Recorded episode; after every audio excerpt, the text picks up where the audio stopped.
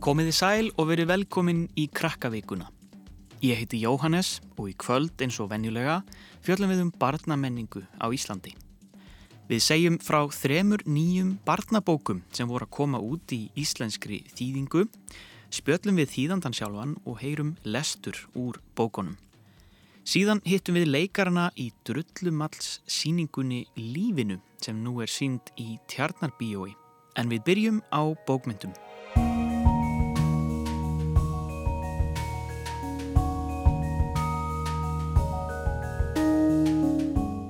Nú fyrir skemstu komu út þrjár nýjar barnabækur eða nýjar gamlar barnabækur eftir franska rithöfundin Tómi Ungerer í íslenskri þýðingu Sverris Norrland. Ungerer hafði mikil áhrif á það hvernig barnabækur á 20. öld voru skrifaðar. Honum hefur verið líst sem hinnum eina sanna arftaka Grimsbræðra sem voru frægir fyrir að sapna gömlum sögum og ævintýrum í Þýskalandi og Hans Christian Andersen sem er eitt þekktasti barnabókahöfundur Danmerkur og reyndar í heiminum öllum. Tómi Ungerer skrifaði ótrúlega mikið af bókum. Hann sendi frá sér hátt í 150 bækur á sínum langaferli sem sagt afkasta mikill ritthöfundur. Bækur Ungerers hafa aldrei verið þýttar áður á íslensku þannig að við vorum forvitin að fá að tala við þýðandan sjálfan, Sverri Norrland Hann kom til okkar í heimsókn og við spurðum hann fyrst hvernig hann kynntist bókum Ungarers. Já, það er góð spurning. Ég held ég hef fyrst kynst honum að því ég hef búið út í Fraklandi til dæmis og hann er rosalega þekktur þar. Hann þekktur í Fraklandi og Japan og víða en hefur aldrei verið í rauninni kynntu fyrir íslenskum resundum og ég held að það hef verið þar og ég, man, ég var nú orðin 20 öruglega á eitthvað ára því ég kynntist bókunum hans fyrst og ég las eina og svo fann ég aðra og svo fann ég aðra og mér fannst þetta svo skemmtilegar og kraftmiklar og teikningarnar svo flottar mm. Og sögurnar svo eitthvað meittlaðar og hugmyndaríkar og, og bara mikið gleði og svona myrkur í þeim samtímis. Þannig ég las bara allt sem ég komst yfir og ég held að hann hafi á langri æfi gefið út sko 150 bækur. Já. og sumar er að hafa farið víða eins og þetta er einn þessara ræningjarnir þrýr sem hefur verið þýtt á 20-30 tungumál og farið út um allan heim. Já. og aðrar eru minna þekktar en, en það er eitthvað að því að ég hef alltaf, þó ég hafi ekki unni við þá hef ég alltaf teiknað líka því að ég er að skrifa. Mm. og hann bæði teiknar og skrifar og hann býr alveg til sin eigin heimengunin og, þarna, og reynda teikningar breytast eftir því hvaða bók er að ræða. En það er bara eitthvað svo mikið, sko, allir sem lesa bækur eftir hann breytast í bara held ég hérna listamenn á meðan þeir eh, er að lesa þeir Já. það er það sem er svo skemmtilegt. Og þeir langar að fara að skrifa og teikna og, eða bara tala við einhvern það er mjög, er mjög svona frjóar og, og svona þar koma manni alltaf óvart og mikið, mikið að gerast. En hérna en kannski þessi Tómi Ungarir hvað getur þú sagt okkur um hennar mann? Sko hann livði tíman að tvenna. Hann fættist 1931 og hann fættist í Strasburg en var frá Alsas sem var franskumannandi svæði. En þegar hann fór í skóla þá var hann verið henni bara, þá þurfti hann að læra að skrifa og hugsa á þýsku þannig að hann var tvítingdur og svo kom ennskan snemmin í lífans líka þannig að hann talaði eða þrjú tungumál og var æfi alltaf svona rótlaus mm. og hann uppliði setni heimstyrjöldina ég sá þetta með síningu ég bjóði í New York á myndum eftir hann mm. og það eru teikningar frá að hann er bara kottnungur af Hitler og fleira Já. Og rosa skemmtileg það var að fara í um allan feril í hann og hann var líka myndlistamæður og, og skrifa allar þessar bækur. Og svo bjóð hann í New York þarna svona 60 eitthvað og þú veist bítlatímabilinu og þegar var svona mikið að gerast í New York og, og það sló hann í gett sem barnabokahöfundur svo rökklaðist þeir eina frá New York og bjóð í Kanada bjóð þar upp í konun sinna á svona afskektum litlum bæ einhver staðar mm. svo bjóð hann á Írlandi áratöfum saman og endaði eiginlega lífið þar og var mjög ánæðið þar og vel, liðin leið vel þar mm. þannig að hann lifði rosalega fjöl, fjölbreyta og flokna æfi og sá mikla breytingar Já.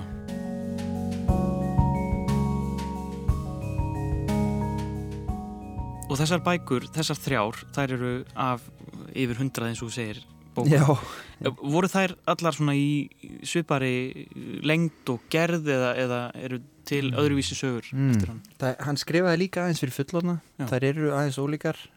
Oftast eru þær í þessari lengt það eru svona 32-40 blaðsjör hnitmiðun texta á rosalega mittlum og skemmtilegum sögum sem fara hratt það sem farið er hratt yfir sögu og, og, og, og margt og, ódreynalegt sem gerist. Og svo teikningarnar náttúrulega líka.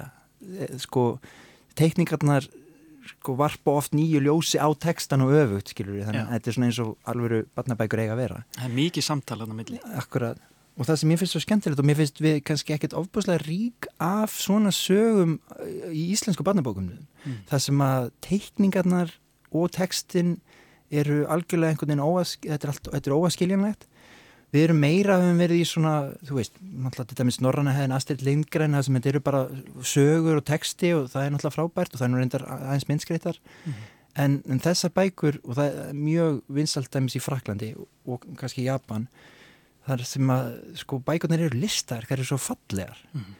þannig að þegar við aðeins forlega erum að gefa þessar bækur út þá erum við að reyna að vanda okkur að hafa það eins fallegar á hægt er. Þannig að, öll, þannig að sko lítið fallega út þannig að þú gleðjist aðeins í hvert getur svo sjáur þeir og það er auðvelt með bækur sem eru svona fallega minnskreitar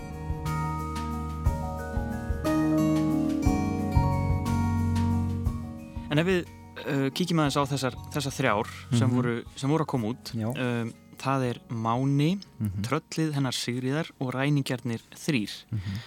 þetta eru svona mér finnst þetta að vera pínu svona þjóðsagna bragur ef, ef ég vissi ekki hvaða bækur þetta væri þá myndi ég halda að þetta væri eh, ég get alveg giska að þetta væri einhvers konar þjóðsögur Akkurat. en þetta eru svona einfaldar eh, svona línulegar sögur eru sterkar og skýra personur Mhm. sem að svona taka breytingum og, og myndskreitingarnar alveg hérna, listilega fallegar hvað var það sem að heitlaði þig við þessar þrjár? Akkur valdur þessar þrjár? Já, það er góð spurning. Þarna, ræningjarnir þrýr er einn þekktasta saganans. Hún er, hún fjallar um þrjá ræningja sem fara ránsendi um sveiti landsins. Einu sinni voru þrýr grimmir ræningjar. Þeir fóru um dölbúnir í stórum svörtum skikkjum og með háa svarta hatta á höfði. Fyrsti var með lúðurbissu, annar var með piparblásara, þriðji var með stóra rauða öksi. Allir eru náttúrulega döður hrættir við ræningjana þrjá og þeir eru doldið drungalegir.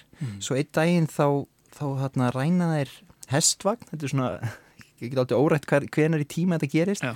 Og inn í uh, vagninum er engin fjarsöður annar en þarna ung stúlka sem heitir í upp á frumálinu Tiffany en ég kalla Torfildi, af því ég veit þýðu öll nöfnin Já. og hún er á leið til stjúpu sinnar illa innrættar stjúpu og er því eiginlega bara alltaf glöð að hitta ræningina þegar hann langar ekkert að fara til stjúpunar þannig að ræningjarnir taka hana því það er engin annar fjarsjöður í vagninum en þessi stúlka sem ég vist alltaf flott lína og, hún, og þetta er dæmingjar fyrir sögurnar svo þeir fara með Torfildi í hellin sinn, það sem er geima fjársöðun og þegar hún sér öll auðæfin þeirra í hellinum þá spyr hún hva, hvað ætlaði eiginlega að gera við allan ennan fjársjóð? Hvað ætlaði að nota öll þessu auðæfi? Og þá horfa þeir hver, hverjir á, á annan og, og, og, og, spyrja, og segja bara gera, hvað meinur þið? Það er aldrei hugsað út í það og hún, þannig að hún hefur svona rosalega sterk áhrif á þau á og þetta finnst mér alveg dæmigert fyrir líka sögurnar hjá Tómi Ungarir er að, sem er að börnin hans eru aldrei beinleginis hrætt þeir eru rosalega svona áræðin og kjörkuð og, og, og flottir svona flott börn eða krakkar svona einhvern veginn sem drífa sögurnar áfram og hafa oft ótrúlega skemmtilega áhrif á fullunum fólki. Mm. og sjá heiminn á einhvern svona ferskan hátt eins og listamenn gera oft kannski. Listamenn eru þeirra, maður þarf að varðvita barnið í sér. Mm. Þannig að þessi bók er algjörlega klassísk og svo er mér skemmtilegt þetta er ung stúlka hvað hún er svona bara eftirminnileg og það er það sama í tröllin hennar Sigriðar sem heitir reyndar á, á, á, á, frumálinu heitir hún Seralda en ég vildi endla þýða að því að tröllin hennar Sigriðar hljómar eins og gömul íslensk þjóðsagar Einu sinni var einmanna tröllkall. Eins og flestir tröllkallar var hann með beittar tennur, mikið skegg og stórt nef. Hann átti stærðarinnar nýf, var skapstyggur og sísvangur. Best af öllu þótti honum að fá sér lítil börn í morgunverð. og Sigriður býr á bóndabæ með föðu sínum og hittir síðan tröllkallin eitt góðan við þetta og breytir lífi hans líka mm. þannig að mér finnst bara svona skemmtilegt og viðendi núna, þetta eru sterkar kvennpersonur í barnabókun og það er reyndar líka í sérstaklega þessari, það er svona undirtótt sem eitthvað sýtt aldrei svona vafasamur en þarna sem, bara lesendur geta veld fyrir sér Já. En þannig að mér fannst þessa bækur eiga mjög vel að því leitun til Já. svo er það svo þriðja, hún heitir Máni hún fjallar um þarna Mána sem býr á tunglinu Á stjörnubjörtum nóttum má sjá Mána saman hnipraðan í glitrandi sessi sínum út í gemnum. Á hverri nóttu horðan fullur öfundar af tunglinu á jarðarbúa dansa og skemta sér. Ef ég nú aðeins gæti tekið þátt í gleðskapnum, hugsaðan með sér, lífið hér uppi er svo leiðinlegt. Svo einn daginn þá fer þýtur halastjarnar hjá tunglinu og hann stekkur og grýpur í halan á stjörnunu og lendir á jörðinni. Og lendir þær miklum æventýrum og, og kemst að því að þarna kannski er lífið á jörðinni ekki einst ásanætt að það virkar úr fjarlæð Já. og lendir, með þess að það er settur í fangelsi og, og, og, og rökklast alveg bara aftur af jörðinni. Mm -hmm. og þá getur maður velt fyrir sig hvað bóðskapur sé í þýfalinn en svo bók finnst mér alveg indislega og myndskreitingarna sérstaklega Já. og hugaflugið í henni Það var eitt sem að mér fann svolítið til, ég fekk á tilfinninguna þegar ég lasi þessar bækur að mm -hmm. mér fannst ég að hafa einhvern veginn heyrt sögurnar áður mm -hmm. en samt ekki Já, af hverju heldur það það, það geti verið? Ég held að það sé af því að hann sko það eru alltaf klassíst uppbyggðar og þannig að ég ætla ekki að fara eitthvað of nákvæmlega út í það. Mm. en það er oft þannig í sögum sem allir þekkja. Við höfum allir í okkur einhverja tilfinningu fyrir því hvernig sögur virka. Mm. jábel þó við kunnum ekki að fara það í orð. Og það er oft þannig upp að við þá er einhverjar personur og það er einhvert ástand sem ríkir skiluru, allir bygg á Íslandi og þetta var svona, svona, svona. Svo allt í einu gerist eitthvað það, það kemur einhver, þú veist, segjum að frapi einhver halastjárna og, lendi á Íslandi og við lokumst undir halastjárninni, mm. þá er eitthvað búið að gerast það er búið að raska ástandinu. Og svo kemur einhver lausn og, og, og eitthvað og svo kemur aftur babibátinn og svo kemur einhver annar lausn. Þannig að þeir eru byggðar upp svona, þannig að það er mjög skemmtilegt fyrir líka það sem hafa áhuga bara á sögum að lesa þessa bækur. Mm að því að, að því að þær eru svo listilega uppið og, sko, og þegar þú ert að skrifa bækur sem eru svona uppið svona nákvæmlega þá má ég ekkert út að bera. Já. þannig ég held að það sé þess, það sko, við, við, þessi tilfinning fyrir einhverju svona klassískri sagnagerð sem við höfum að líka og þessu þjóðsagna minni náttúrulega líka. Já, og hann er náttúrulega eins og við nefndum sko, ræt, rætur að reykja á, í þískan málheim. Það eru náttúrulega grímsævintýrin og svo er það Hási Andersen og ég held að það hefði verið þarna, The New York Times sem kölluði hann hinn eina sanna arftækka Hási Andersen og hann fekk náttúrulega velun kent við hann mm. og mér hefur alltaf fundist hann bara alveg þar einmitt sko, sögurnan hans eiga bara heima með grímsævintýrum eða, eða Hási Andersen eða Múminálfurinn Tófi Jansson og öllum þessum klassísku bókum þess vegna finnst mér svo skrítið að hann sé ekkert þekktur á Íslandi mm. já þessari okkur sagna þjóðinni Já Þannig að ég er með að reyna að bætu því. Já, og það er svona, þið, hérna, þið eru með alla, allavega þessa þrýleipu hérna, að reyna, að reyna að breyta þessu og það er forlægið AM forlæg. Segð mér aðeins frá AM forlægi. Hver, hvert, hvert, hérna, hvert er ferðinni heitið? Hvert er ferðinni heitið? Já, við ferðinni eru heitið þannig að á næsta ári kom út fleiri barnabækur eftir okkur, meðal annars Where the Wild Things Are eftir Morris Sendak sem mm. er nú einn barnabók og einn þekktasta 20. aldar sem hefur aldrei aldrei komið á íslensku. Mm þannig að það er spennandi og ég, þetta er sem sagt forlæg mitt og, og konuna minnar og sem heitir Cerise og er þarna frönsk og, og þarna þekkir og hefur unni í bókaútgáfi bæði þar og í bandaríkinu og þekkir óslega vel inn á það allt. Og okkur langaði einmitt að frönsk barnabókamenning er svo skemmtileg og stýgur inn í, inn í bókabúð og það er alltaf barnabækur, það eru ábyrjandi, það eru fallegar og fólki kvall að kaupa þér. Mm. Þetta vantar svolítið ennþá hér, mm. það er misand eftir búðum en við þurfum virkilega að hampa fallegum barnabókum að því að án þess að höfða til krakka, þá er enginn framtíð það er bara augljóst og vitið allir mm. og svo er það hitt að barnabækur eru ekki síður merkilega bókmyndir en einhverjar fullorinsbækur innan gesalappa að að þetta eru bækur fyrir börn og aldrinum bara þryggja upp í hundra og þryggja. Þannig að við erum að berjast fyrir bara hugaflöginu, sögunum og fegurðinni. Já, akkurat. Þannig að, já. Ég held að það sé bara mjög falleg loka orð Nei, ekki bara, bara Segja þetta gott hér, Sverri Nóland, takk kjærlega fyrir já. komuna í, í þáttinn og segja okkur frá Tómi Ungarir og, og bókunum hans. Já, takk fyrir spjallið, þetta var mjög gaman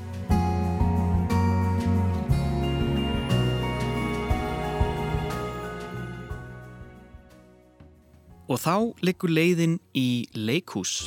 Í Tjarnarbíói er aftur byrjið að sína barnasýninguna Lífið.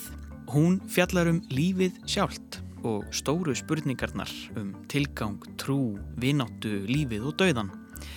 Það er leikópurinn Tíu fingur sem setur upp síninguna sem er svolítið óvenjuleg því það er ekkert talað í henni.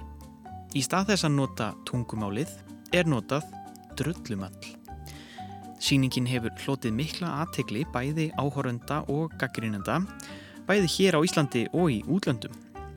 Hún hefur verið sínd í Kína, Þískalandi, Hollandi, Nóri og Möldu og er nú komin aftur hingað heim. Og við fórum niður í Tjarnabíu og hittum þar leikara síningarinnar Solveigu Guðmundsdóttur og Svein Ólaf Gunnarsson og annan af tveimur listrænu stjórnendum síningarinnar Helgu Arnalds. Þið voruð að koma heim úr ferðalagi, segja mér aðeins frá því, hvar voruð þið? Við vorum í Norri á stóri, hérna, þetta heitir Assitei sem er svona uh, samtök fyrir barnaleikus út um allan heim og við vorum í svona hérna, uh, hluti af þeirri síningu og vorum að vinna einmitt svona velun þar. Youth Critics Award sem er sem sagt unga fólki sem kemur og það velunaði þessa síningu, besta síningin. Til hafingi með það og hvað fylgir í kjölfarið á svoleiðis sigri?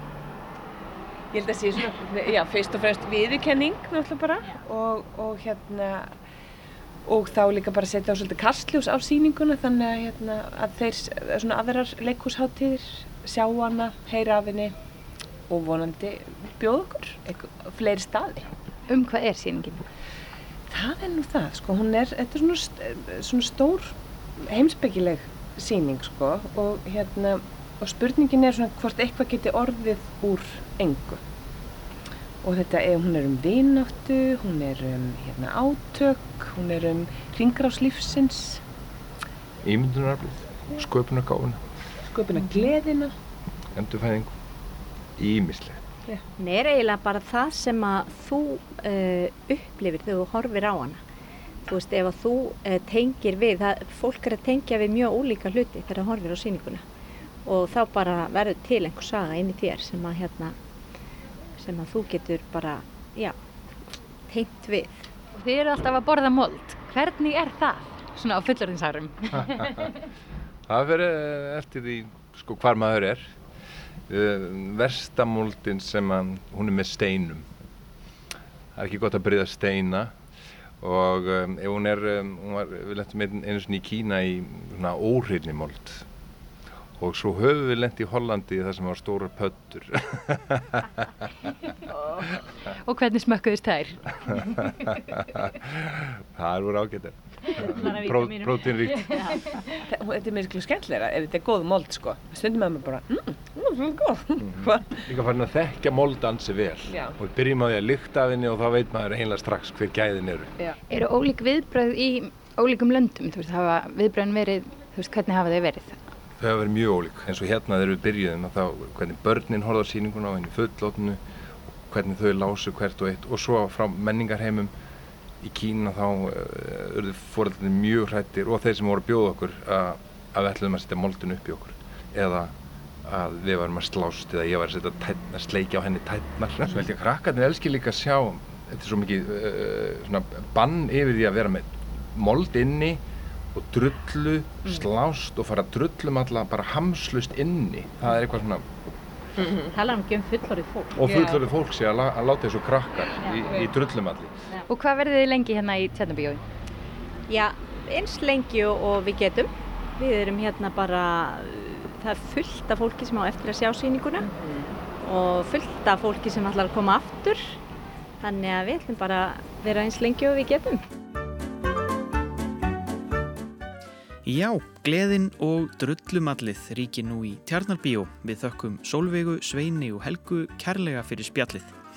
En þá er ekki fleira í krakkavíkunni að þessu sinni. Það er hægt að finna okkur á krakkarúf.is og í krakkarúf appinu. Annars heyrustu þið aftur í næstu viku. Tanga til, bless bless!